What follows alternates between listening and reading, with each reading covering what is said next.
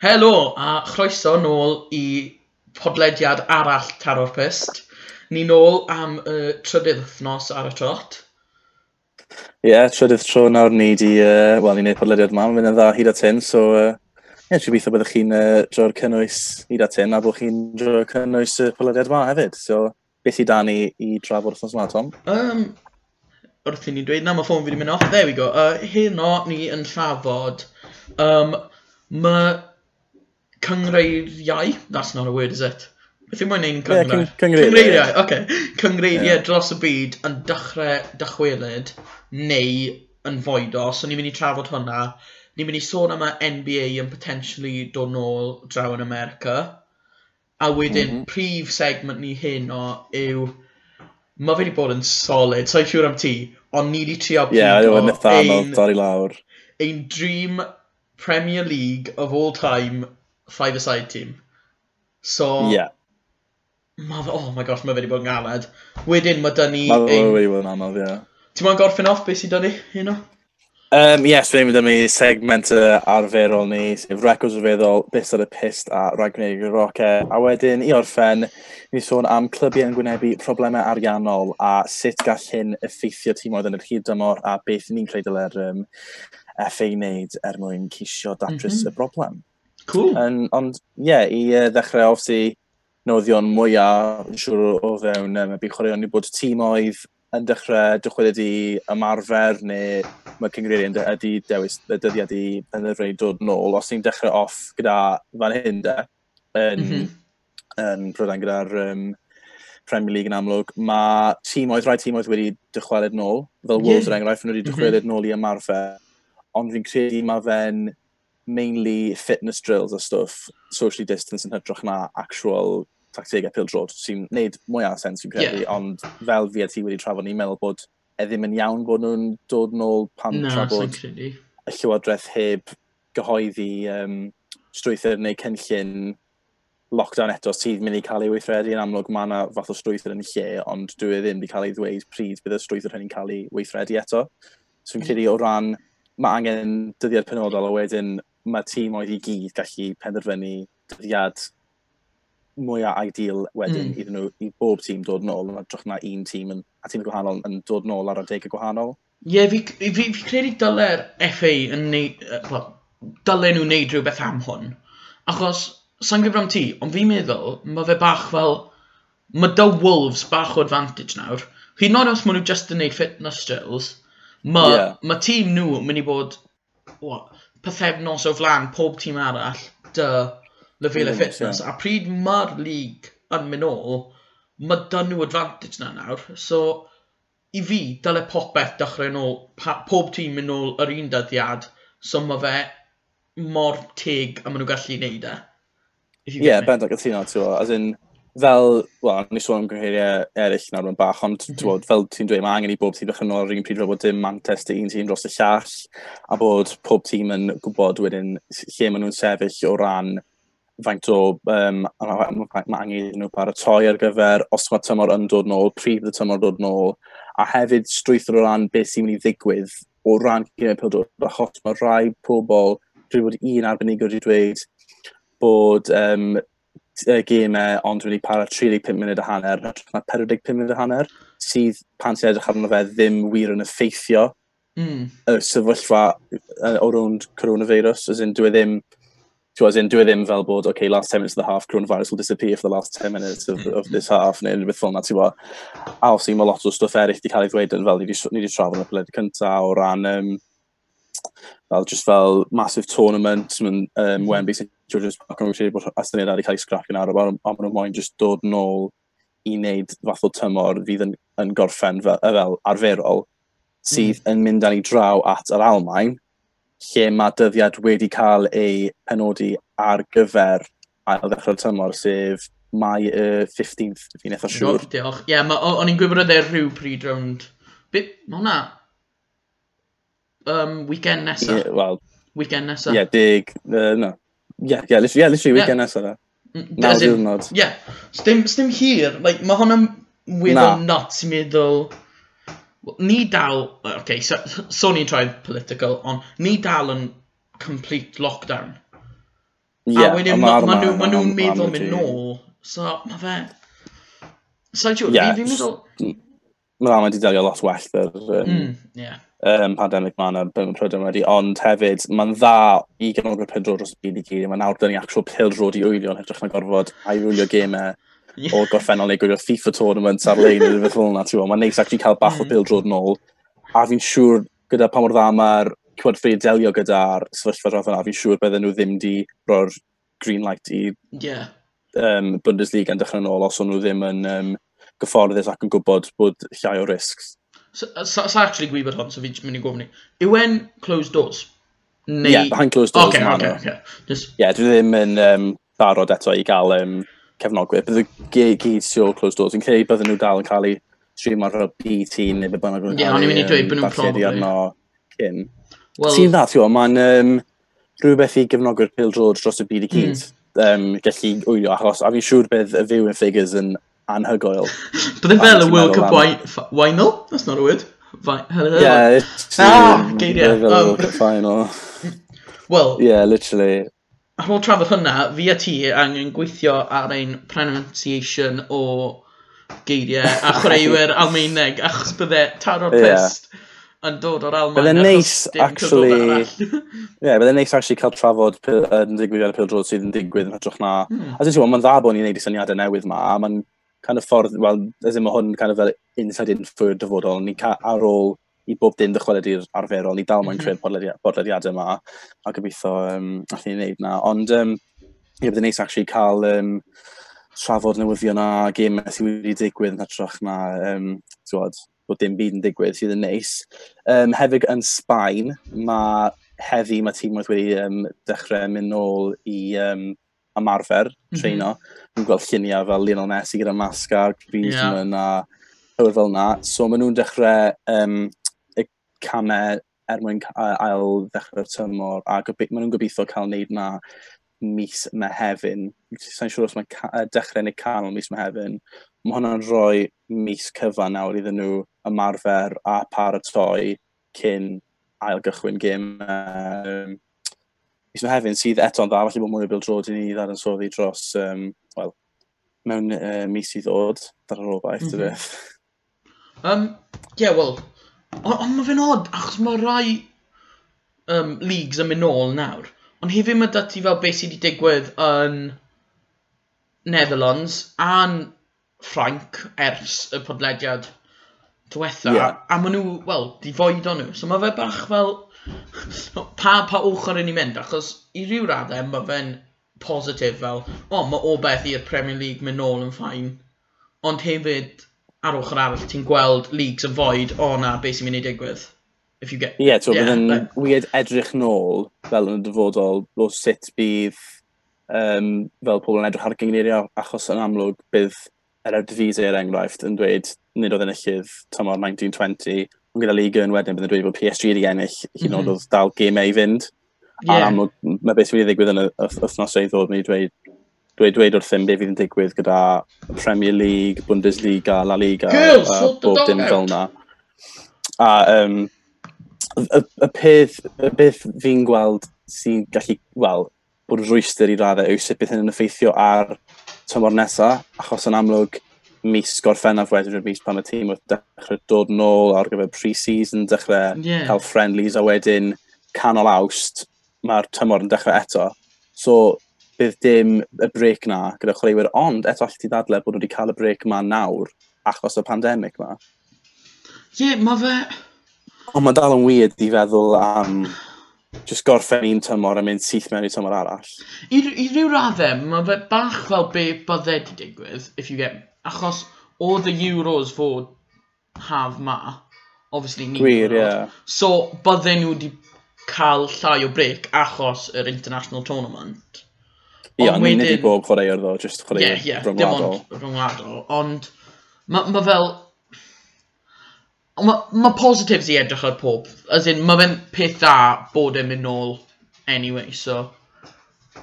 Ie, ti'n gweld, ma'n yeah, ma ma neis bod chwaraeon yn dychwelyd a um, yeah, jyst gobeithio bydd yn digwydd yn Prydain. Ond yn America sydd yn diddorol yw'r NBA achos mae'r eto ddim i fod yn rhi wleidyddol, mae'r ffordd bod America di delio gyda'r pandemig mawr i bod yn lot wath na unrhyw wlad arall achos mae nhw, ti'n gwybod, maen pobl sy'n protestio allan a, a, a fel yna, anyway. Um, yeah. Ond ie, yeah, um, o rownd y cwmpas yr NBA, mae yna dal lot o obeth bod nhw'n mynd i ail ddechrau'r mm -hmm. tymor, bod y chance na, yn amlwg mae beth mae'r Chinese Basketball Association a fi'n credu y Korean Basketball Association di dweud, mae nhw wedi cael hiatus, sef like, break o dros fus, a mae nhw wedi gobeithio dechrau nôl, ond mae nhw dal wedi gorfod dileu o hwnna am lot ymhellach na beth nhw'n meddwl. A mm. maen nhw fel wledydd um, a wedi Cwria wedi bod yn wneud sy'n wedi delio'n dda iawn gyda'r coronavirus, tra bod America mm. llaw arall y wlad gweithan y byd. So, os fi fi'n fod yn onest, fi'n credu mae lot, lot fwy o amser na be mae'r NBA yn meddwl cyn iddyn nhw allu dychwelyd yn ôl. Wel, o'n i, on i just, sa'n gwylio lot o American sports, so o'n i ddim that ymwybodol, so nes i bach o researching yn harach. Wel, oedd yr NBA actually di dweud o'n nhw'n cymryd 30 day saib ar ôl March yr 11th, which obviously, nath hwnna benni cwbl o thnos yn ôl. A yeah. hwnna ar ôl y ceis cynta o fewn pil fasged. Ond, obviously, mae ma ddim, mae neb yn gwybod, ond maen nhw'n meddwl dechrau dod o fe nôl erbyn canol Mehefin i diwedd Mehefin. Ie. Ie. Fi wedi bod yn gwneud gwahanol chlywedd. Mae ma chwaraewyr ar NBA yn amlwg yn eitha awyddus mm -hmm. i gael yn ddechrau. A ar mawrth yr un ar ddegfed oedd team facilities y bob dim wedi orffen. A um, oedd yr NBA yn breiddiol wedi suspend o'r tymor achos o'r effeithiau. Ond nawr yn amlwg mae dal yr o beth na maen nhw'n meddwl bod y gallu um, Um, a ddechrau mae un fath o trisiad yw bod nhw'n mynd i wneud um, isolation neutral site er mwyn chwarae'r gemau yn Las Vegas. Dyna beth yw un o'r syniadau. Sydd eto yn i raddau gallu gweithio, ond bydd angen i'r amgylchedd fod yn cyfyngedig iawn, a bydd ond chwaraewyr a hyfforddwyr gallu fod yna. Fi'n credu bod angen i bob un nhw cael eu profi well, bob wythnos wir er mwyn achos am mwyn gallu cael eich profi a wedyn cael symptomau diwrnod wedyn neu rhywbeth fel yna, tywod, dwi e ddim exactly yn... Pan ti'n cael ei testio, okay, that's it, you're done. As in, mae chi, chi cael e unrhyw adeg. Ond o'n amlwg, mae'r NBA wedi cael ei bwrw'n eitha galed gan adeg. Mm. Mae chwaraewyr fel Kevin Durant, Donovan Mitchell, Rudy Gobert, Marcus Smart, lot o chwaraewyr. Am, ydyn, maen nhw, maen amlwg mae lot o chwaraewyr wedi um, dod nôl a recovero'r feirws ond eto mae lot o chwaraewyr sydd wedi dal e a all hwn cael knock-on effect wedyn. Mm. Ond os nhw wedi spreadio fe tîm arall, o chwaraewyr arall yn bob ddim. Ond ie, um, yeah, fi'n credu mae'r NBA mwy lai fel unrhyw um, chwaraeon arall gyd gorfod aros tam o'r amser yn iawn a tro bod y wlad a'r llywodraeth wedi um, creu cynllun ar gyfer lockdown cyn iddyn nhw actually gallu dechrau eto ti di gweld y thing, ti'n gwybod ti'n sôn am y fel virtual bubble, fel y uh, safe air yeah. isolation thing. Ti di gweld lle maen nhw'n meddwl host o fe? Yn no, Las, Vegas, Las Vegas neu Disney World. Ti'n lle imagine... Disney o, World. Mae hwnna fel draw man in, o oh, ie, yeah, gan ni just chwarae the last remaining Premier League fixtures yn Chessington neu Alton Towers. Thorpe Park. Thorpe Park. Come on, yeah, boys, away day, Thorpe Park. Mae fach yn wir fel wneud um, Yna, ie, fi'n credu bod, as in mae America, mae'r ffordd maen nhw wedi dal Japaneg fatha wael, so mae angen iddyn mm. nhw yn bendant ar ystan bod Llywodraeth di creu cynllun a di cymryd fe yn, yn difrifol, fi'n credu cyn iddyn nhw gallu hyn yn oed meddwl am ail gychwyn. Yn amlwg, yeah. mae cadw chwaraewyr mewn amgylchedd cyfyngedig gyda jyst y chwaraewyr na hyfforddir yn syniad da ar bapur, ond pan chi'n eich gweithredu'r syniad na, yw e'n mynd i fod yn syniad da. Dyna beth yeah. ti'n meddwl am a yn bersonol sa'n credu bod unrhyw beth fel na mi ddigwydd yna bod Wrth weld uh, luniau fideos o'r fath o protestiadau sydd wedi digwydd yn America, eisiau siwr os bydd rhyw fath o gyngryd fel yna'n digwydd, a bod chreuwyr bod game yn, yn ail dechrau, bydd na rai cefnogwyr sydd ddim moyn colli allan a yeah, bydd... gorfod i hun yn mewn i wylio, mm -hmm. dwi'n meddwl. Ie, yeah, mae fe... Ond, um, yeah. yeah. So... Mae sefyllfa anodd yn amlwg ym, ym mhob chwaraeon, ond yn wedig lawr yn America, mae angen iddyn nhw wneud rhyw fath o um, cynllun clir er mwyn i'r NBA gallu dychwelyd os mae'n dychwelyd. Mm. Fi teimlo fel ni'n neud hwn yn wythnosol nawr. Mae fe yn troi yn fel weekly update ar Taro Pistis podcast. Be, be sy'n digwydd fel pwy sy'n di mynd nôl, pwy sy'n dal yn aros, stuff fel na. Yeah, literally. Dyna fe'n teimlo fel. Ond dyna beth sy'n digwydd achos pandemig ma. Ie. Yeah. Beth oedd nesa? Ww! Nawr ni'n symud ymlaen i prif... Wel, fi wedi edrych ymlaen at hyn trwy'r dydd. Mm. Trwy'r dydd. O, oh, sio ti moyn neud hwn? Ti moyn neud tîm ti nawr? Ti'n moyn neud position each. OK, go on ta, go on ta. Be ti di mynd am? Pwy ti'n moyn dechrau? Ti di mynd am go ceidwad, un defender, dau midfielders, one striker, yeah? Ie, yeah, dyna strwyth okay. dwi'n mynd am, ie. Ewn I mean, am gynta. goalkeepers gynta, da? O oh, ie, o'n i'n mynd trwy ddefa keeper, defender, midfielder, strikers. O, oh, okay. Um, cer ti gynta, cer ti gynta. Ia, ond sydd nodiad ar ffwrdd achos dwi'n cael mae'n cyfiawn haw, cyfiawn haw, cyfiawn hau pwyntio fi fydd hyn. So, okay. yn gol, fi pet Petr check. Ie, yeah, fair. Pedwar Golden Glove. Ath y e tymor nad y Chelsea pan ath e ond ildio 15 gol. Fe sydd ar y mwyaf Premier League sheets of all time, gyda 202. Fi credu 15 neu 19 gol dda e rhywbeth fel na. Fe yw'r gwlad gloiau gyrraedd 100 clean sheets, gyda 100 clean sheets mewn 180 game. Mm -hmm. So, yn just yn gyffredinol, fe pan ti'n meddwl am y golgeidwad, y golgeidwad sydd i fi'n gynrychioli'r Premier League, fe yw'r golgeidwad na. Mae'r ffordd mae fe di chwarae dy Chelsea, yn wedig, ti bod, i gael yr cant clean sheets mewn ond 180 o gemau, yn, yst, yst, well, yn stat yn real. Mm. A mae'r ffaith mae dy fe mwy o clean sheets yn Premier League, yn siarad am ei hun, ti'n gwybod, mae fe wastad yn Mr Reliable yn gemau. Yn amlwg, dod at ddiwedd ei yrfa gyda Arsenal pan oedd e'n dechrau mynd yn hyn, oedd e'n neud cangymeriadau, ond mae hwnna'n disgwyliedig gyda bob goged, mm -hmm. nhw'r last line of defence, a pan maen nhw'n neud cangymeriad, mae hwnna'n cael ei uwchleo yn fwy na unrhyw cangymeriadau gan chwaraewyr eraill ar y cae, achos fel goged, os, os ti'n neud cangymeriad, mae'n chi'n ildio gol. Ond i fi, e, fe, mae yna pedwar Golden Glove joint most gyda Joe Hart yn hanes um, y gyngrair. Mae fe jyst yn misreliable, fi'n tydi, ym mhob game, Mae fe y ffordd yn chwarae fyd, oedd e fath o, o leader, er oedd e gyda Chelsea, ti'n gweld, wedi John Terry yn y bac, oedd e fath mm. o leader, oedd e chi gweld bod e'n cyfathrebu dy chwaraewr ar y cae. Yeah. Oedd, fi'n credu y ffordd oedd e'n comando ei hun y box yn dod allan i um, delio dy peli, yn just, oedd, mm -hmm. dyna fi'n credu oedd ei trait mwyaf, mwyafif, a anamlwg fel golgyd o'n angen fod yn fawr, a mae fe'n boi fawr. Um, Ti'n mynd i'n siarad am really, achos fel goalkeeper, mae just gorfod dibynnu ar nhw i wneud saves a ddyn big game play yn amlwg, ennill loads o um, couple of Champions Leagues, yn un o'n 2012, unedig, ennill Europa League, da... O oh, na, ddim e ennill Europa League, na, so, sorry, my bad. Ond ie, yeah, um, so, oedd yn uh, i fi goal, Mr, Mr Goalkeeper pan mae'n dod i'r um, Premier League, just y ffordd, just yr ystadegau yna, ac i meddwl bod 38 gêm mewn tymor Premier mm. League a oedd Petr Cech ond i ildio 15 gol. So mae hwnna'n llai na gol y gêm. Wel, obviously na, llai na... Beth yw, e? hold on. Os, os ydyn ildio... Na, fi'n siŵr meddwl am staff na. Mas fi'n awful fan hyn. As in, os ti'n dyblu... Na, never mind, never mind. mas fi'n awful fan hynny.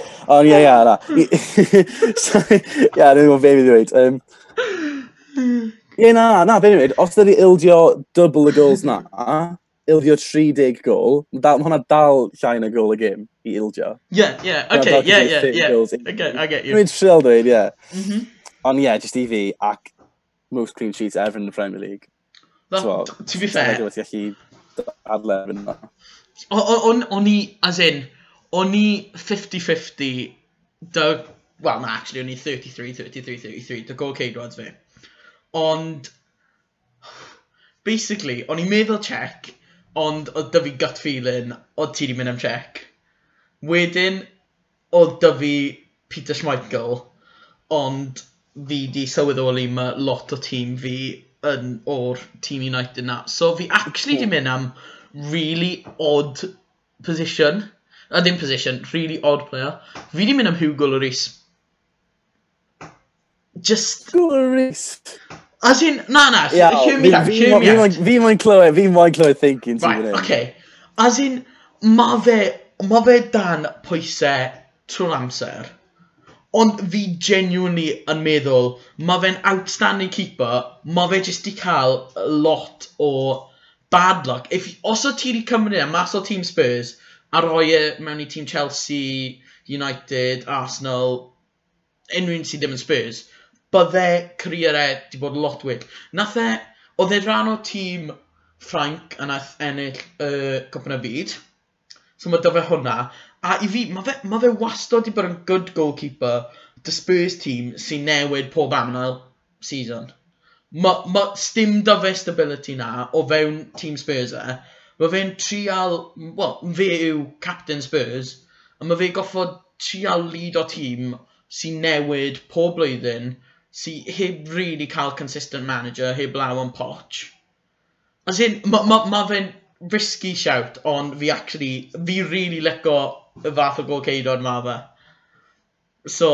Mm, okay. Plus, plus obviously put into factor, o'n i ddim moyn mynd am Schmeichel just achos o'n i teimlo fel, os o'n i'n neud tîm cyfan fi yn United, mae fe bach o bias, so o'n i trial cadw e fwy agored. Iawn, I mean, a, I'm not gonna lie, oedd nes i ddim hyn o'r ystyried Lewis yn mm. opsiwn e fi. O da fi Czech, Van der Sar a Schmeichel. Well, oedd, o'n i'n ystyried. O'n i'n meddwl, da Czech yw'r gorfod bod un i fi. Ie, yeah, Czech yw'r standout. Ie, yeah, amdano. Ti'n be, o'n i actually meddwl, achos oedd cwbl o weird ones di popol lan mewn i'n meddwl fi. O'n i wedi contemplated roi Ben Foster. Ben... No as in, way. As in, no, no, no. As in, not, not ever. Ond, fi credu, os yna fel all-time five-a-side B, C, D team, byddwn ni'n rhoi mewn yna. Mae fe'n ma fe consistently class, a ti wedi clywed quote Troy Dini yma. E, mae fe'n bwyta crap, mae fe ddim yn gweithio mas, yet mae fe dal yn outstanding keeper. So... Ie, yeah, ben nas i'r rhaid e fyny fel, ti'n on, very good goalkeeper. Mae lot o ifbits am eifies, ddo. Ie, ie. Ie, yeah, fair. Falle allan ni wedi mynd am rhywun arall. Ond fi, fi generally yn lico Loris. Fi credu mae fe... Mae fe... Bydde fe wedi gallu bod lot... Bydde fe wedi bod yr un stature as the others os oedd e dy tîm wahanol. Honest yeah, opinion. Di, di, di, di, di teg. So... Ie, yeah, cer di gyntaf gyda defender ti. A ni um, swapio bob tro. O, oh, okay. Okay. Um, so fi actually, okay, now we go to um, United. Uh, fi di mynd am Radio Fyd yn and fel... Yeah, so, solid choice. Solid Just choice. 8 Premier League titles, one Champions League, seven times yn PFA Team of the Year. Fi fi credu nath e... Oedd e'n captain am... Um, doi o Premier League titles e. So, as in, mae fe wastod i bod leader ar pitch. Hyd yn oed pryd oedd yn yeah. chwarae dy Vidic neu dy Neville neu dy... Pwy, pwy arall oedd yn cap captain ar y pryd. Mae fe just one of natural leaders. Mae fe oedd e'n anhygoel i oelio. As in, dim just defensively, oedd e gallu chwarae dy'r pêl. Oedd e'n Oedd e'n fel an older, better version o Virgil van Dijk right now. That's going to be controversial. Yeah. Ma, mae hwnna'n mynd i fod yn ddadleol gyda lot o... Yeah, probably, ond... na, fi generally meddwl na. Fi credu mae fe possibly a pest, a, a be pest, a best Premier League defender all round eriod. Ti'n meddwl, ie. Yeah. Mm. As in... Mae Diddley Lander yn bendant, methu angen i anghyda ti fel na. Ond pryd o'n i'n contemplato, obviously oedd dy fi Vidic, a fi, fi, fi dal yn credu yeah. mae Vidic oedd e'n world class, ond i cym... o, fi credu bydde Vidic ddim wedi bod mor dda heb law bod Ferdinand dyfe. Achos okay. oedd Ferdinand yn y composed, fi gallu chwarae dy'r pêl, i alluogi Fidic i hedfan mewn daith ffen neu cymryd rhywun mas neu, neu mynd am y risgier stuff achos o dyfe composure Fidic ar bwys na Ferdinand ar bwysau os ti'n deall okay. fi yeah. just, just, na, na beth o'n i'n gweld yn y partnership na ond fel partnership hwnna yw'r best ever no ifs or doubts about it sa'n credu mae unrhyw un yn yeah. dod agos So. Yeah. So, ni gael falle angytuno gyda ti fan o ran y partnerships. Mm. Fi'n mynd am Terry. Yeah, fel oh. choice fi. Mm -hmm. um, fi'n credu mae pawb falle yn like, play down Terry achos off-field antics. A pan ti'n ystyried am, pan ti'n ystyried As in, pan o'n i'n meddwl yn wreiddiol, fel Terry, yeah, good player, but like, you know, he's not really up there. Ond wrth wneud bach o ymchwil, mm. o'n i fel, yeah, mae ma Terry gorau bod yn um, lan na i fi. Most clean sheets ever fel defender yn uh, hanes y Premier League, a hefyd mwyaf o goliau fel defender yn y Premier League, oh, sydd yn dangos bod chi'n gwneud bob dim at the back o ran amddiffyn, ac hefyd oedd yn, um, yn fygwth um, fygwthiad pan oedd e yn y bocs gyda Cornelia bob dim. Um, five Premier League titles, Premier League Team of the Year, pe pedair o weithiau, uh, leader ar y cae yn bendant. Oedd e rhan o'r tîm nath, uh, rhan o'r tîm nath ond ildio 15 gol mewn mm -hmm. tymor. Gath e good um, international career er bod wedi cael ei strip o'r captaincy. Ond, um, yeah, jyst yn y Premier League fi'n meddwl oedd partnership fe a Ricardo Carvalho yn probably yn fy marn i y gorau erioed. Mm. Fidic a Finn yn y bendant lai fi yn y top 3, ond i fi Materi a Carvalho. Carvalho yn solid fel defender yn neud, can rhaid ddweud y dirty work fel defender, oedd e'n rhoi'r tackle mewn.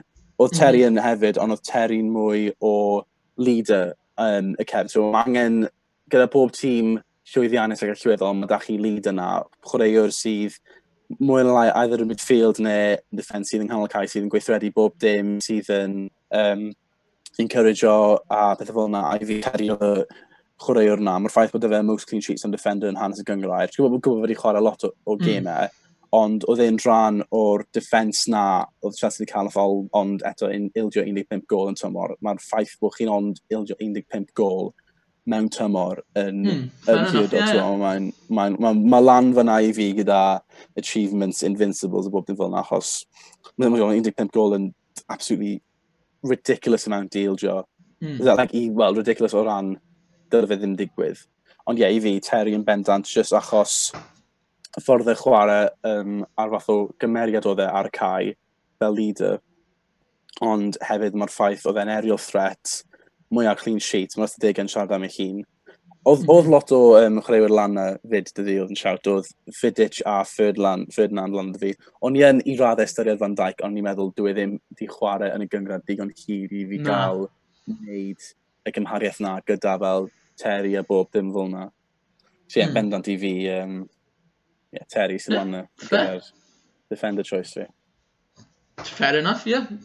No. To be fair, oedd Terry a'r oedd Terry ar fel list fi oedd Ferdinand ar list ti, so ni, fi credu ni'n fwy agos mewn ni cymharu dy gol ceidwadau. Ie. Yeah. Um, so, os am midfielders, mm -hmm. ti'n gwybod bod lot o chwer United y ti, yw gigs yn un o'n nhw? Yndi. Oce, okay, achos fi, os, fi, os dim pwynt fi dweud gigs, o, na, na, na, a ma, ti ma, dweud chwilwyr arall. Ma, ma da, os mae da ti gigs, mae da fi rhywun, I can make a quick sub.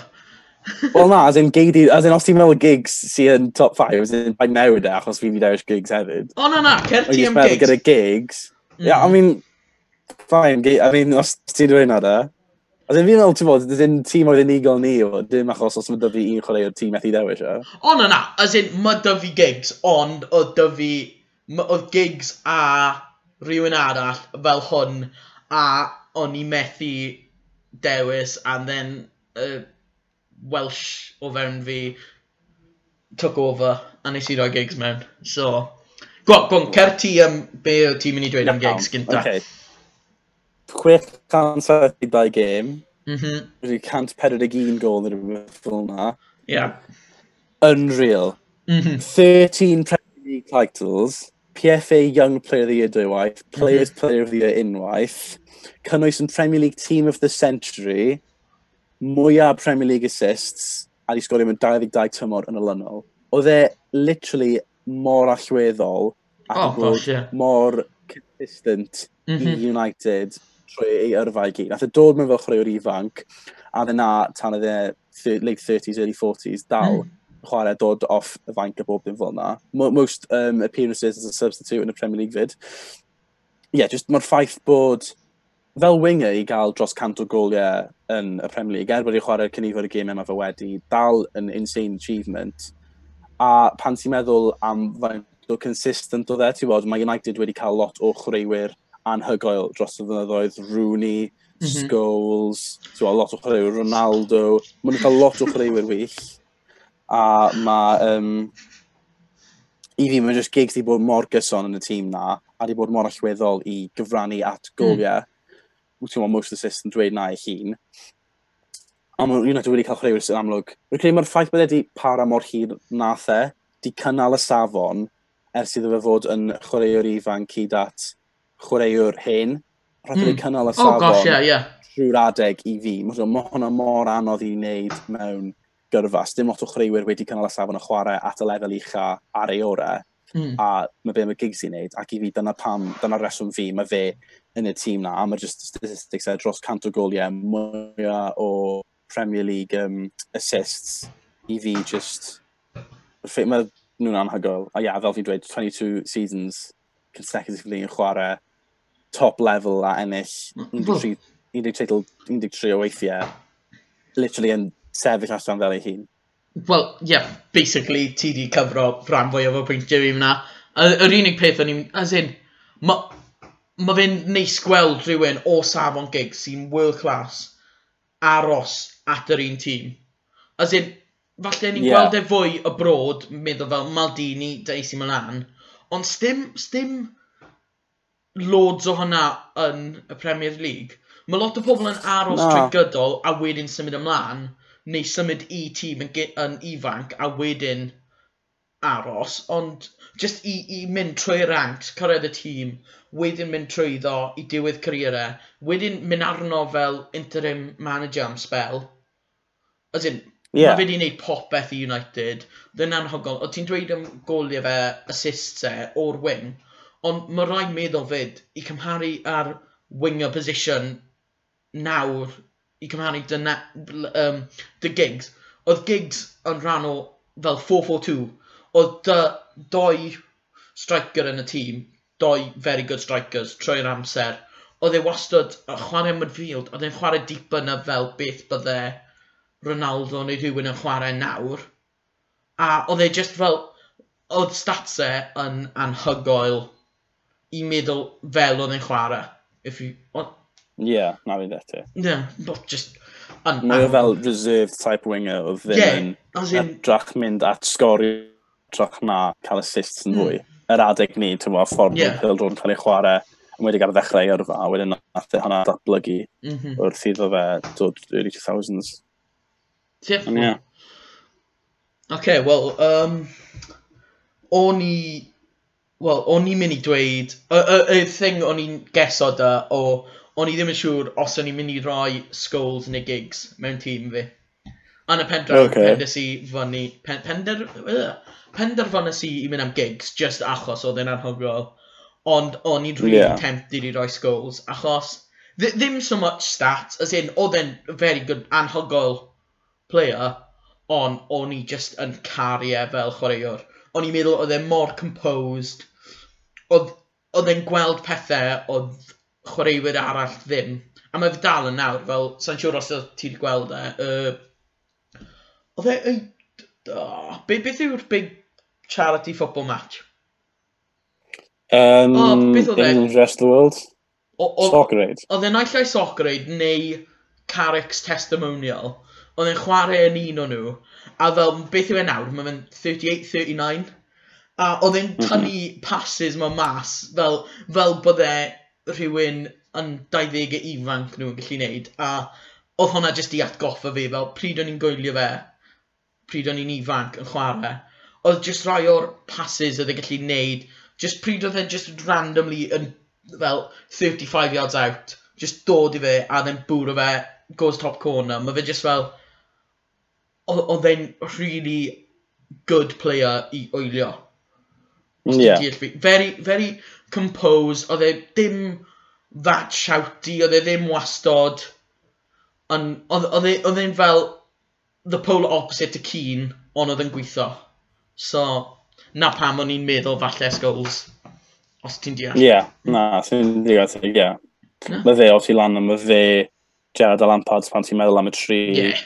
best midfielders of all time, mae'r tri o'n nhw yn amlwg yn mm -hmm. uh, dod i'r arwyneb yn syth ie, yeah, yn bendant cytuno gyda ti fan lan, mae fe'n bendant lan fel uh, one of the best um, players fi. Pwy... Dwi ddim yn tîm fi, ond fi'n cytuno gyda ti. Pwy ti di mynd am... Uh... Pwy ti wedi well, mynd am... Wel, ni'n meddwl nawr allan ni fynd at cael break bach am y 5-a-side yeah, yeah. gadael y midfielder ola okay. a striker. Oh yeah, much will. Tan, yeah, um, mm -hmm.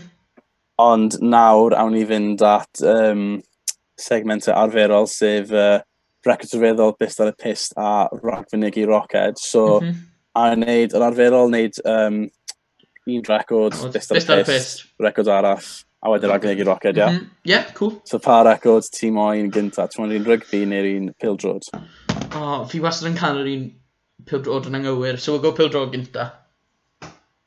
Iawn, so ni'n ma, most mm -hmm. headed goals in Premier League history. Ooh, oce. Okay. Dim ond y chwaraewr ar nifer o goliau mae wedi sgorio. Ti'n mwyn cael guess off the bat, neu ti'n mwyn hint gyntaf? Um, na, cael, na i cael guess. Um, Andy Carroll. Na. Na, e, oedd e definitely guess. Go on, uh, rwy'n fi hint. Guess. So okay. chwarae i deg tîm sydd wedi chwarae yn y Premier League. Okay. Mae fe'n famous am sgorio gol yn erbyn Trinidad yn Tobago pan eithaf mynd am header a tynnu lawr ar dreadlocks yr opponent a hedgeo fe mewn. Okay. A'r ffaith ola yw fe yw'r tallest player oh, okay. ever, tallest striker ever to play in the uh, Premier League. The, yw yn Peter Crouch? Ie, yeah, Peter yeah, Crouch. So mae'n cael gest uh, faint o goliau. 58. O, oh, ddim rhi Not far off, Pimlic Tree. Oh, okay. 53-headed goals. Yeah, not too bad. Right, uh, ewn ni at Bistar Pista. Yep. Beth mae'n gynta, y clues neu'r tîm oedd? Y chwaraeon.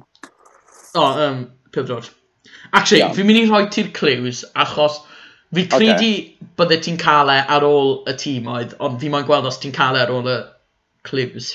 Iawn. Yeah. So, mae fe'n chwarae yn international i'r Alm... Na, Alban. I Alban. Alban okay. Ddim yr Almain, sorry. I Alban. Mm -hmm. Ond cafodd ei eni yn Salford yn Lloegr. Okay. Weirdly, mae dy fe UEFA B coaching licence ar ôl wneud cwrs allan yn Iwerddon. Okay. Yn, e yn career e, sef am nath e dechrau yn 2003, mae fe dim ond di ennill un teitl, sef y uh, Community Shield. Okay. Okay, so well, tîm... guess off the bat, mm -hmm. Darren Fletcher. Na. Fi, fi credu mae okay. Fletcher di ennill fwy. Fi credu mae Fletcher di cael... Yeah, actually, couple, I don't know why. Cwpl yeah. o Premier Leagues falle. Falle hi... Champions League. Mae'n eisiau Champions League, ie. Fi, fi, credu oedd e'n rhan o uh, treble yeah, season. Um, right. Tîm, uh, so tîm oedd mae fe wedi chwarae i. Manchester mm -hmm. United. Wedyn yeah. Royal Antwerp ar loan. Burnley ar loan. Rangers ar loan. Villa ar loan.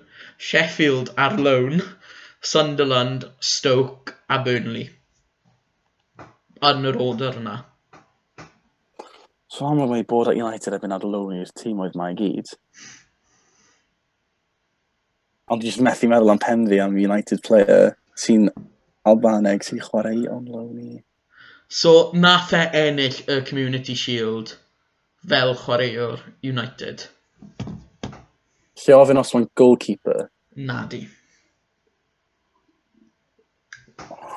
Oh, honestly methu meddwl off top pen fi am Al Albanwr.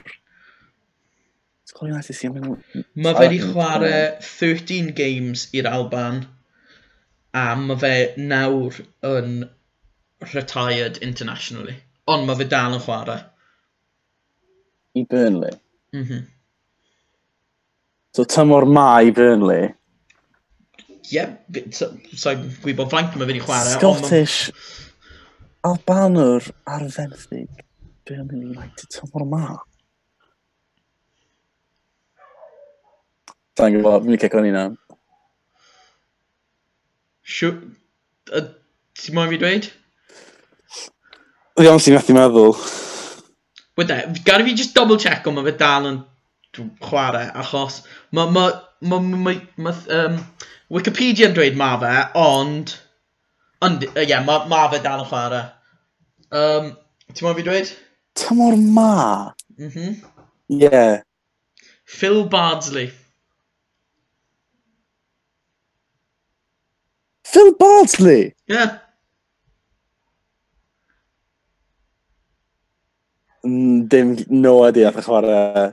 Oedd e ar loan i Sunderland o bob dim, yr e holl adeg ma. Be? I, ar, i Sunderland? O, um, na, gael fi checo. Na, um... As fe, Os fe nes i dweud arfenthyg i bob tîm? O, na, na, na. Na, oedd e arfenthyg i Antwerp, Burnley, Rangers, Villa, Sheffield. Wedyn, nath e saino i Sunderland.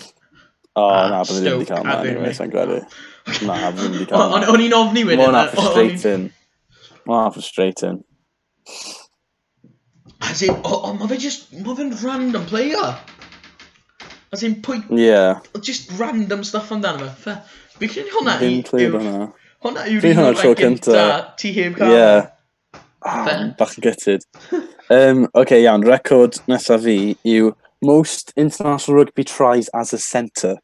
Ooh. man Manon. Eitha specific. Na. Ooh, okay, fair. Um, okay. Do I guess off the bat? Dwi'n mynd hint. Ie, yeah, go on, cer hint, achos fi newydd geso. OK.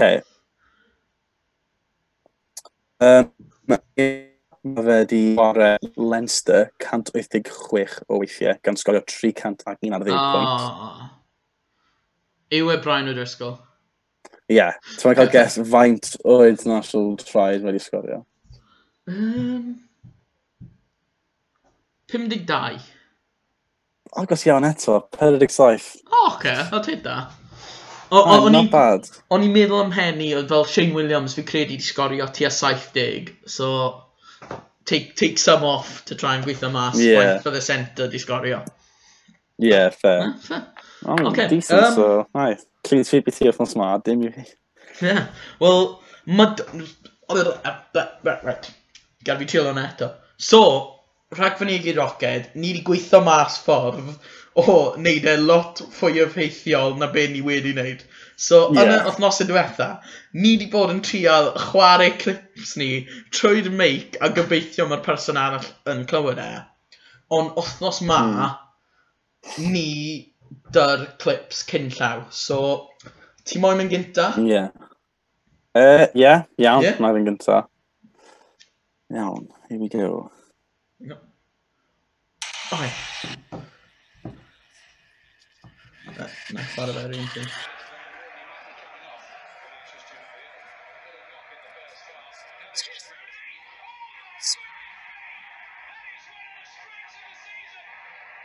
Okay. I got Vino Is there? Them. Goal Rooney, obviously. Mm-hmm. If they're Goal Rooney, volley edge of the box, top corner i United, pan oedd y gwisgo'n i fwyth. Fi moyn dwi wedi cywed... Cywed, yeah. Sa'n cofio yn erbyn pwy o dde, ond ie, okay, cofio yeah, yeah, yeah. Ball drops, edge of the box, volleys it top corner. Ie, yeah, oce, okay. fi, fi credu ti'n mynd o'n gol iawn, ie. Yeah. Wayne Rooney yeah. yn erbyn Newcastle. That's the one. Naill ai y dimor gynta neu ei ail dimor i United. Credu Steve, Steve Harper oedd yn gol i Newcastle adeg ni. Na, fi, fi actually credu oedd um, Tim Howard? O oh, na, bydde Tim Howard wedi bod yn United. Never mind. Sorry, ie, yeah, fi hmm. cael stupid yn mynd. Iawn, oce, okay, gwrando di ar uh, oh, un yeah, sorry. um, O'n i jyst i roi ffôn fi na. Uh, un ma.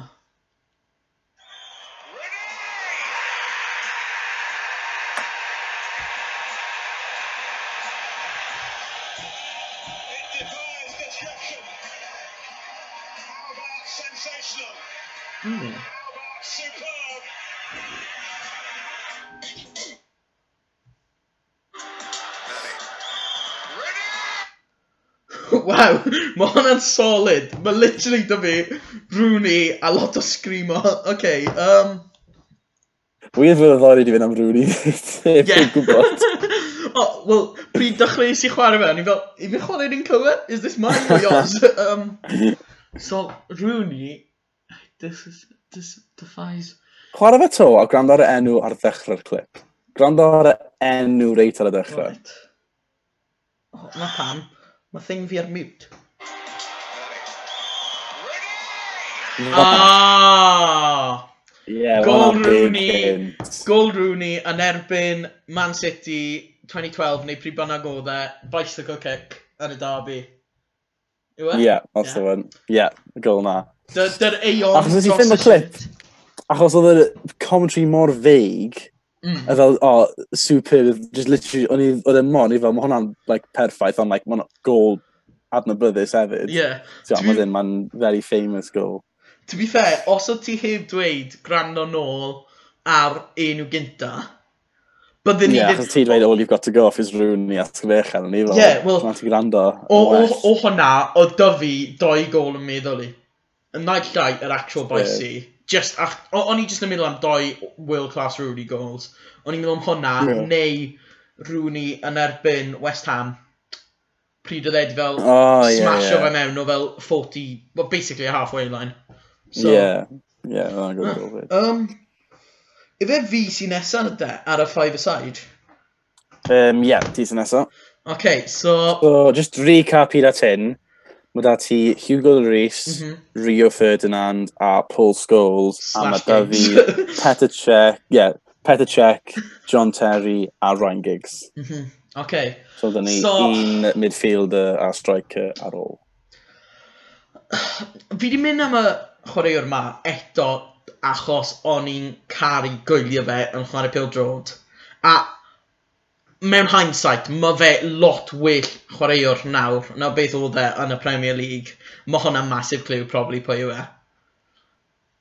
Ronaldo? Yeah. so, na, as in, pri, ma, ma fe'n United Legend, dath e mewn, yn ifanc iawn, nath e creu chwaraewr anhygol, ennill y Ballon d'Or, dy United. A i ryw raddau, fi actually miso United Ronaldo nawr, os ti deall. As in, Ie, yeah. yeah, mae ma fe'n chwaraewr well nawr, ond ar y pryd oedd e gyda United, oedd e mor hwyl i oelio. As in, oedd constantly tricks, oedd e'n Cymru chwaraewyr ymlaen, skills yeah. dros y kind of meddwl, yeah, bod e gyda meddylfryd bod e llawn hyder mm. a, a, a, a, a, a, a, a, a, okay, nath Mike ti'n mynd yn odd wedyn. Um, oh, technical difficulties. Ti'n mynd fi adro? O, oh, ie, yeah, I'll adro. Fi'n teimlad na fod yn chwaraewr oedd lle'r a yna i dan a dim fel fod bwff text fe um, pawyd unrhyw un man a ddim yn ofni methu tra'n neud. Mhm. Mm Oce. Meddwl dyna ofnod o fe. Ie, yeah, wel, as in, mae fe dal... Mae ma fe bach yn ddeng, achos o'n i'n edrych ar statau, a nath e chwarae 272 o gemau a sgorio 119 goals. As in, mae hwnna yn ei hun yn very good stats. A o'n i just yn meddwl, os fi credu os oedd e wedi aros dy United y holl amser yma, bydde fe obviously wedi bod best Premier League player ever, in my opinion. Mm. Ond, obviously, ni methu meddwl am hwnna, because that's all hypothetical. Ond fi jyst yn meddwl, pryd oedd e dy United, fel, meddwl am records, dim records o feddwl, beth yw'r thing ni, um, rhan fyny gyda'r oced, cwbl ni wedi actually wneud o United gyda Ronaldo, fel gol Portsmouth, gol Arsenal, oedd o just, oedd e'n e chwarae dy such confidence, oedd e mor neis i wylio. As in, falle statistically bydde roi Lampard neu Scholes neu Gerrard yn midfield fi, di bod yn well. Yeah. Ond o'n i just meddwl, os fi'n meddwl am dream Premier League tîm fi, mae fe goffod cynnwys Ronaldo. So. Ie, yeah, mae'n digon teg ie, yn amlwg, yn cael ei ystyried fel un o dau chwaraewr gorau yn y byd mm. yng Nghydal, un o Messi, a ie, ti'n methu am, am y um, ei gyfnod ef yn, uh, yn y Premier League, oedd yn mm. anhygoel, oedd yn diddannu, sgorio nifer o goliau e, eiconig, a sgorio nath um, great amazing signing gan Ferguson. Mm. Oedd hwnna achos oedd yn, ti'n na'r pres, fel, fel fi dweud, un o dau chwaraewr gorau yn y byd, a ie, ti'n mm. methu am ei byddu Ronaldo yn Premier League, mae fe'n uh, chwaraewr mor nodedig gyda'i gyfnod yma yn y hmm. prem. Ond, um, ie, yeah, fi di mynd am Frank Lampard fel Ooh. ail bewish fi. Um, Ti'n sicr Chelsea fan, neu be? Do ti tri chwaraeo'r Chelsea? Dwi'n tri chwaraeo'r Chelsea fyna. Um, ond ie, ennill tri Premier League title, um, Player of the Season, um, 2004-2005, a ennill um, team, uh, other Team of the Year, Tad Gwaith dros 100 150, uh, 150 o Premier League goals, dros reina yn um, long shots fit a penalties yn amlwg. Oedd e'n mm -hmm. chwaraewr yn bendant oedd yn arwain o canol y cae. Wel, fe gyda cael fe a Terry yn eich tîm o'ch chi'n sorted o rang fath yeah. o chwaraewyr oedd yn arwain. Be, y ffaith o'n i ddim yn gwybod, o ga fe cael ei ddyfarnu fel Premier League Player of the Decade o 2001 i 2010. O'n i ddim yn gwybod ni. Yn siarad i fi mae hwnna'n siarad yn ddau hun, mm. just y ffaith na, o fe allan o'r canoedd ar filoedd o'r chwaraewyr nath chwarae yn uwch gyngrad o 2011-2010, Frank Lampard yw'r chwaraewr sydd wedi cael i farni i fod y gorau e, yn y cyfni. Ac i fi, mae just, mae'r ffaith o dde mor, pan oedd y pêl dod allan ar edge of the box, pan chi o leia 20, 35, 20, yards out the Lampard, oedd e mor ti'n gallu ddibynnu arno fe i gael good shot off a cael good chance i sgorio, a nath e sgorio it, eitha lot ohonyn nhw. Mm -hmm. Oedd e'n allweddol i tîmwedd Chelsea wrth ennill uh, tri Premier League title. Um, nath nhw ennill. Mae'n rhaid y Premier League Player of the Season yn 4 o 5 fyd, tymor um, anhygoel iddo fe. Yeah, dros 150 o Premier League goals fel central midfielder yn y ffach o gamp. Ti'n bod, dyw hwnna ddim yn digwydd lot o bod chwaraewyr yn cael llawer o goliau, let alone 150, gwybod yn chwarae yn y gyngrair am amser hir, ond eto mae hwnna'n dangos sut fe chi dal y safon na, tymor ar ôl tymor, i gadw ati a chwarae um, y lefel gorau. So ie, fi, jyst mae'r ffeithiau na, jyst yn y glido'n eitha glir pam fi wedi dewis e. Yn amlwg, oedd last yn actually nes i cymryd Gerard allan a roi gigs mewn, mm. achos i fi, yn bendant, mae um, CVG yn lan ar fel un o chwaraewyr y gorau yn Premier League erioed i gweld, ond beth nath wneud y penderfyniad fi o roi gigs a Lampard mewn yn lle fe ar y funud ola oedd cynifer y uh, greiriau am y gigs i ennill a mm -hmm. faint o allweddol oedd Lampard i tîm o Chelsea wrth ennill y gyngrair. Dim i ddweud bod Gerrard ddim yn allweddol i tîm Lerpwl. O, oh, na, na. A sa'n dweud mor ffaith bod y heb ennill Premier League yn fatha ostwng ei status wrth mm -hmm. yn, y, yn, y Prem ond jyst jyst i fi, mae Lampard, just, well, fi'n dweud bod fe, Lampard, Gerrard a Scholes, si, mae ma, ma, ma pobl amlwg mynd i cael, mynd i dadle a ddweud, o, mae Scholes yn weithio Lampard, le Lampard yn weithio Gerrard, mhm. Gerrard yn weithio Scholes, a vice versa. A lle dal na mynd ymlaen trwy'r dydd am oes, ond mae'n mm -hmm. angen, mae trio nhw o'r un caliber Premier League uwch na unrhyw midfielder arall. Yeah. Ond ie, i fi Lampard sydd yn sefyll allan allan o'r um, tri ohonyn nhw a dyna pam fi wedi penderfynu dewis ef. Fe, ie. Yeah. Um, pwy sy'n nesa? Fe fi sy'n nesa am so striker neu ti? Okay. Fi, ti. Mm -hmm. So, allwn bod bach yn ddadleol, ond fi'n meddwl yn bendant mae angen iddo fe cael ei cydnabod fel probably greatest Premier League striker of all time. A fi'n gwybod bod pobl mynd i dadle hwn achos oedd e ddim yn big no. game player. Thierry Henry yn bendant. Okay, yeah, yeah, 100%. Fair. Mm. 170 gol mewn 258 o gemau, 2 league title, goal to games uh, ratio well na Alan Shearer, sef um, highest Premier League goal scorer of all time. Camp mae neb arall erioed i wneud yn Premier League, e yn nath esgorio 20 plus goal yn 5 tymor yn olynol. Mae hwnna yn ei hun yn rili. Really. Mm. Gynnal y safon o 20 plus goals yn gyngor sydd yn cael ei ddyfarn, ei ddyfarnu fel gyngor gorau yn y byd yn anhygol. Yn amlwg rhan o'r tîm Invincibles, mm -hmm. mae hwnna yn rhywbeth. A yn y tymor na, 30 gol mewn 37 game. Mae hwnna yn yn real. Fi'n credu mae fe'n siom mwyaf yw nath e ddim...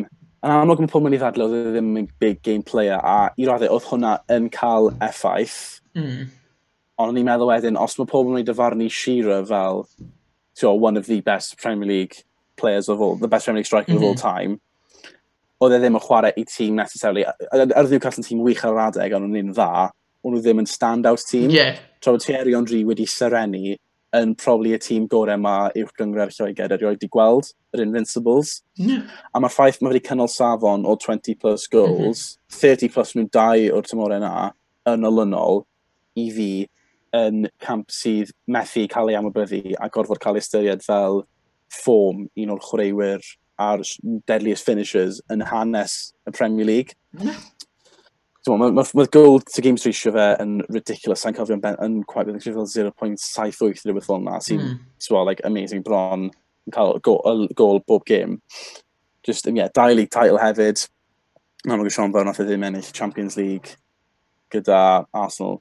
Dyna'r unig thing fi'n credu. Oedd hwnna falle wedi completio fe fel Premier... Mae'n ma Premier League Legend, a bydd hwnna di, di selio yeah. um, hwnna yn bendant i fi. Ond, ie, yeah, fi, ti'n bod, nes i ystyried lot o chwaraewyr, lot o chwaraewyr yn dod i meddwl Torres, mm. Van Persie, Shearer, mm -hmm. lot, lot o chwaraewyr, Dwight York, Teddy Sheringham, lot o chwaraewyr na, ond i fi, mm. oedd Henry, Hon Henry, Henry, Hon Henry. um, Terry Henry yn, yn stand-out player yna, just mae'r ffaith 20 plus goals, 5 consecutive seasons, mae hwnna yn chwaraewyr sydd yn cynnal y safon uchaf ar y llwyfan mwyaf yn y byd Phil George fi. Ok, fair, so, yeah, dyna, yeah. dyna Team 5 side fi, Petr Cech, John Terry, Frank Lampard, Ryan Giggs a Thierry Henry. Fair, wel, na i mynd trwy so, mae tîm fi Lloris, Ferdinand, Giggs, Ronaldo slash goals, achos nes i just trial creu content, a wedyn y striker fi wedi mynd am, as in i fi, oedd e rong tri, tri chwaraewr, Onri, RVP, a wedyn y person fi wedi mynd am, Wayne Rooney. As in, i fi, mae fe... O, okay. Fi, fi, ac, fi credu, as in, Man United top goal scorer. I'n meddwl, like, pam, how many world-class strikers mae United i cael dros ei bedoliaeth. I'n meddwl mae Rooney na, mae fe hefyd England's top goal scorer. Mae fe'n consistent. As in, fe, fe sy'n dala'r record am most Premier League seasons reaching double figures. Mae dros 12 season gath y double figures. Mae hwnna yn ei hun, oedd e'n consistent. I meddwl hefyd, ti gat diwedd career e, oce, okay, falle oedd e bach yn rhy slow i chwarae lan top, ond wyn oedd, oedd, oedd um, managers eraill yn dropo fe mewn i midfield, a fe dal yn anhygoel. Mae fe dal yn neud shift i Derby ar y foment. So, i fi, mae fe just... Oedd e'n y complete striker. Mae dy fe very good assists fyd. Mae fe di ennill 5 Premier League title, un Champions League. O'n i'n mynd i wneud fel pa mor how many young players of the year, ond mae'r list actually mynd ymlaen am blynyddoedd. mae so many different uh, young player, this player, sports personality, hon... I, i fi, mae fe just a complete Premier League striker. Ti'n meddwl am Premier League strikers, ti'n meddwl Rooney, Henry, ond fi credu o fewn y tîm, oedd e hefyd, oce, okay, ie, yeah, oedd e'n rhan o'r United team yn fwy ifanc yr un oedd dy gigs a pobl fel na. Ond hefyd, nath e cario tîm United na ar ôl i Sir Alex Ferguson gadael am cwpl o blynyddoedd mwy neu lai ar ben hun yna. E. Achos oedd y tîm yn mynd trwy cyfnod gwael, ond y dde dal na yn trial cynnal nhw. A cadw nhw yn oce. Okay. ond fi credu... Yeah. Oce, okay, obviously, oedd elfennau gallu wedi fod yn well Ond i fi, oedd e complete striker anhygoel. That's, yeah, we're speechless. Ie, yeah, yeah, ti'n gan teg am rhywun i'n chwaraewr sydd wedi bod yn wastad i cynnal safon, um, mm. safon uchaf yn ei yrfan uh, yn y Premier League. So ie, yeah, um, dyna ni, rwch o bod i ni yn y sylwadau, neu um, chi ni pa, pa tîm chi'n meddwl sy'n well. Ww, oce. Okay. So, mwyn ni'r... A hefyd, os chi'n moyn, rwch gofod i, i ni eich... Mm. Um, Premier League all-time five-a-side tîm chi, achos hoffwn ni wybod os ydyn nhw'ch breuwyr wedi colli, ni wedi gadw mm allan, neu ydyn nhw'ch breuwyr chi'n meddwl dylai di bod yn tîm yn ni o ddim. Um, un cwestiwn i ti yn gloi. Ie. Yeah. Pwy bydde ti'n rhoi fel manager tîm ti? Sir in, Alex Ferguson. Oce, Okay, yeah. O'n i'n mynd i dweud, mae fe rhwng Sir Alex a Arsene Wenger, ond mae fe goffo bod Sir Alex. Ma, Sir Alex, ef yma. It's neb arall yn dod yn agos. Unrhyw le. Ond na. Ond ie, yeah, good, um, good five side teams yn ni fyna. Mm. Ond rhaid bod yn neud os yn chwarae game yn erbyn ei gilydd yn primes nhw. O ie, actually, mm.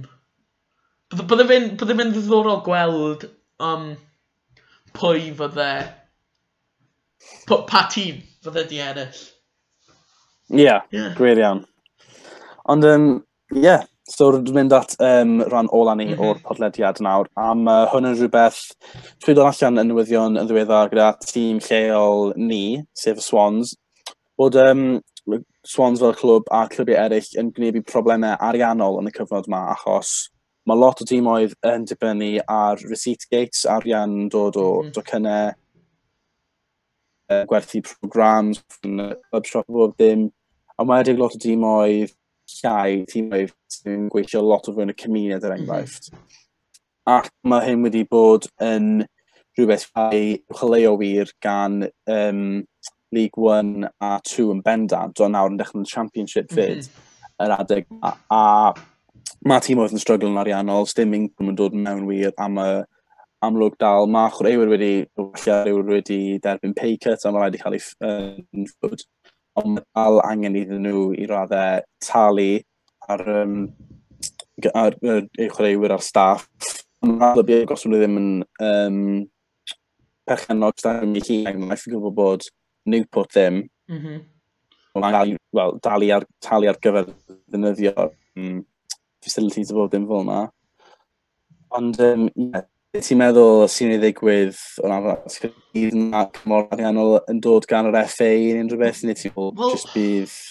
Mae goffod bod, achos os, os mae'r FA ddim yn neud unrhyw beth, a mae popeth yn cario ymlaen fel i fe nawr, ni'n mynd i benni lan dy ddim ffobl lig ar ôl. Achos bydd...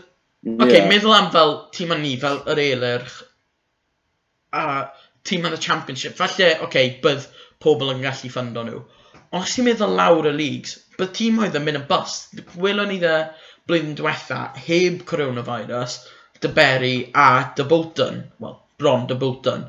Ond, oedd hwnna jyst yn arferol. Os nawr, dy dim, dim arian yn dod mewn, mae rhaid i'r FA creu ffordd neu, neu roi funds, neu, maen nhw goffa wneud rhywbeth achos bydd dim pildrodi dod nôl i.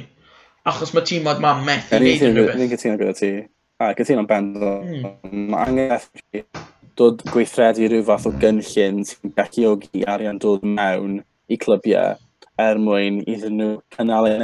Yn amlwg, mae'r sefyllfa nawr di ym Mhrydain yn ôl Llywodraeth wedi cyrraedd an amlwg da um, oerus ac ai gyda um, pellau cymdeithasol o fod yn fel na, ond mhm. mm -hmm. fel ti'n dweud, mae'r dwi'n mynd mlaen, mae'r ma pandemig wedi mynd mlaen am hir a mae dim incwm o gwbl yn dod i, i glybiau a mae angen iddyn nhw cael rhyw fath o fuddsoddiad, rhyw fath o gynhaliaeth ariannol mm -hmm. er mwyn iddyn nhw gallu cario ymlaen a dod trwyddo'r he, um, heibio'r cyfnod anodd yma. Achos unwaith mae'r cyfnod yma drosodd, er bydd falle dim cefnogwyr yn dod mewn, i wylio'r gemau, e, bydd gemau e dal ar teledu neu bydd yn cael ei streamio'n fyw, bydd dal mm -hmm. rhyw fath o income yn dod mewn fyna, a gyda gyngreirio, os chi'n mynd fyny safle yn y cyngrair, chi'n cael swm X swm amount o arian ar gyfer symud fyny yn y gyngrair a pethau fel yna. So bydd na fath o income a uh, dod mewn, ond tan bod sicrhad um, ariannol, mae angen i'r FA gweithredu rhyw fath o gynllun sydd yn galluogi clybiau mm -hmm. cynnal ei hun. Achos, mm. fel ti wedi dweud, os nhw e ddim, bydd clybiau yn dechrau strwgl ariannol, bydd nhw falle gofyn am cefnogwyr yn rhywbeth am ffyns, a mm -hmm. sy'n mewn sefyllfa um, economigol lle mae unigolion a cefnogwyr clybiau gorfod cyfrau ariannol er mwyn cadw eu clwb nhw'n fyw. Mm -hmm. Mae angen i'r FA yn bendant neu beth am hwn, dod, dod allan gyda rhyw fath o ddatganiad neu gweithredu rhyw fath o gynllun sydd mynd i helpu tîmoedd yn ystod y cyfnod anodd yma. Mm -hmm. Na, wel... Sa's dim byd arall i dweud, really. Mae'n nhw'n goff... Mae'n nhw'n goff o'n neud rhywbeth, neu mae ddim pildrod yn ei. Ie. Ie. Byddai'n ddiddorol gweld be byd nhw'n neud, achos... Ie, yeah, os ma'n neud yn dweud, hynny yw. Mm, wel, mae siant bydden nhw'n trial scapegoat o'r ei ffordd mas o fe. Trial neud pethau fach. Ie. Ond, ie, maen nhw goffod, neu, neu, neu maen nhw goffod just di, neu dim byd blwyddyn ma, a wedyn neud rhywbeth tymor nesaf. So, fel, falle pryd ni'n mynd nôl, roi fwy o bonuses am aros yn y uh, gyngrair, neu yeah, ennill y gyngrair. Ie, erbyn, erbyn ni ddo bydd y sefyllfa, di, di gweithredu lot os ys dim byd mm. cael ei hmm. gweithredu o fewn yr wythnosau nesaf wir. Ie. Yeah.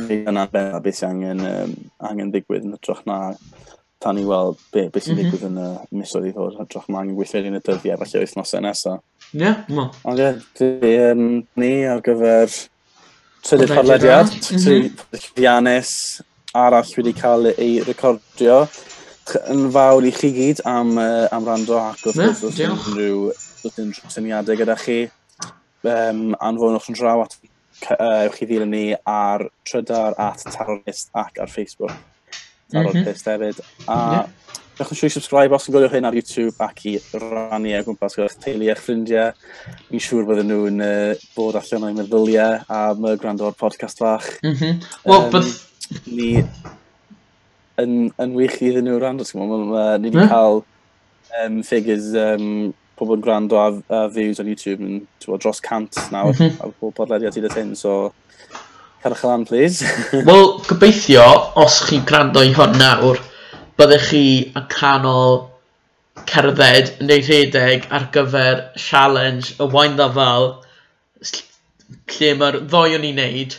So, yeah. challenge ni yw basically yr wythnos ma, ni'n mimico wythnos deddfod a ni'n trio gweld faint o weithiau rhwng yn cwr ni gallu cerdded slash rhedeg i ddimbych lle bydd y steddfod a codi arian ar gyfer yr NHS a PPE. E. So ni nawr ar dydd 3, ond ni wedi gweithio mas, ddoe a echddoe, ni wedi cyrraedd ddimbych pob dydd, ni bron wedi bwrw'n targed o 500 pint, sef y cost y bydde ni wedi goffa talu am bws. So ni wedi cerdded na ddwywaith, nôl lan a nôl, a ni wedi codi'r arian, a gobeithio mae pawb gallu donato os mae nhw moyn. Byddai'n byddai rhoi'r link i'r Just Giving page yeah. yn description y fideo yma. So mae fe'n great course, os chi gallu, diolch. Ie, yeah. a hefyd mae rygbi gymgym yn neud mhm. taith dros um, i bob Pop World yn Prydain, byddwn ni'n gadael link os chi eisiau cyfrannu at nhw'n gwneud cwriariant tuag at Targan Cymru hefyd.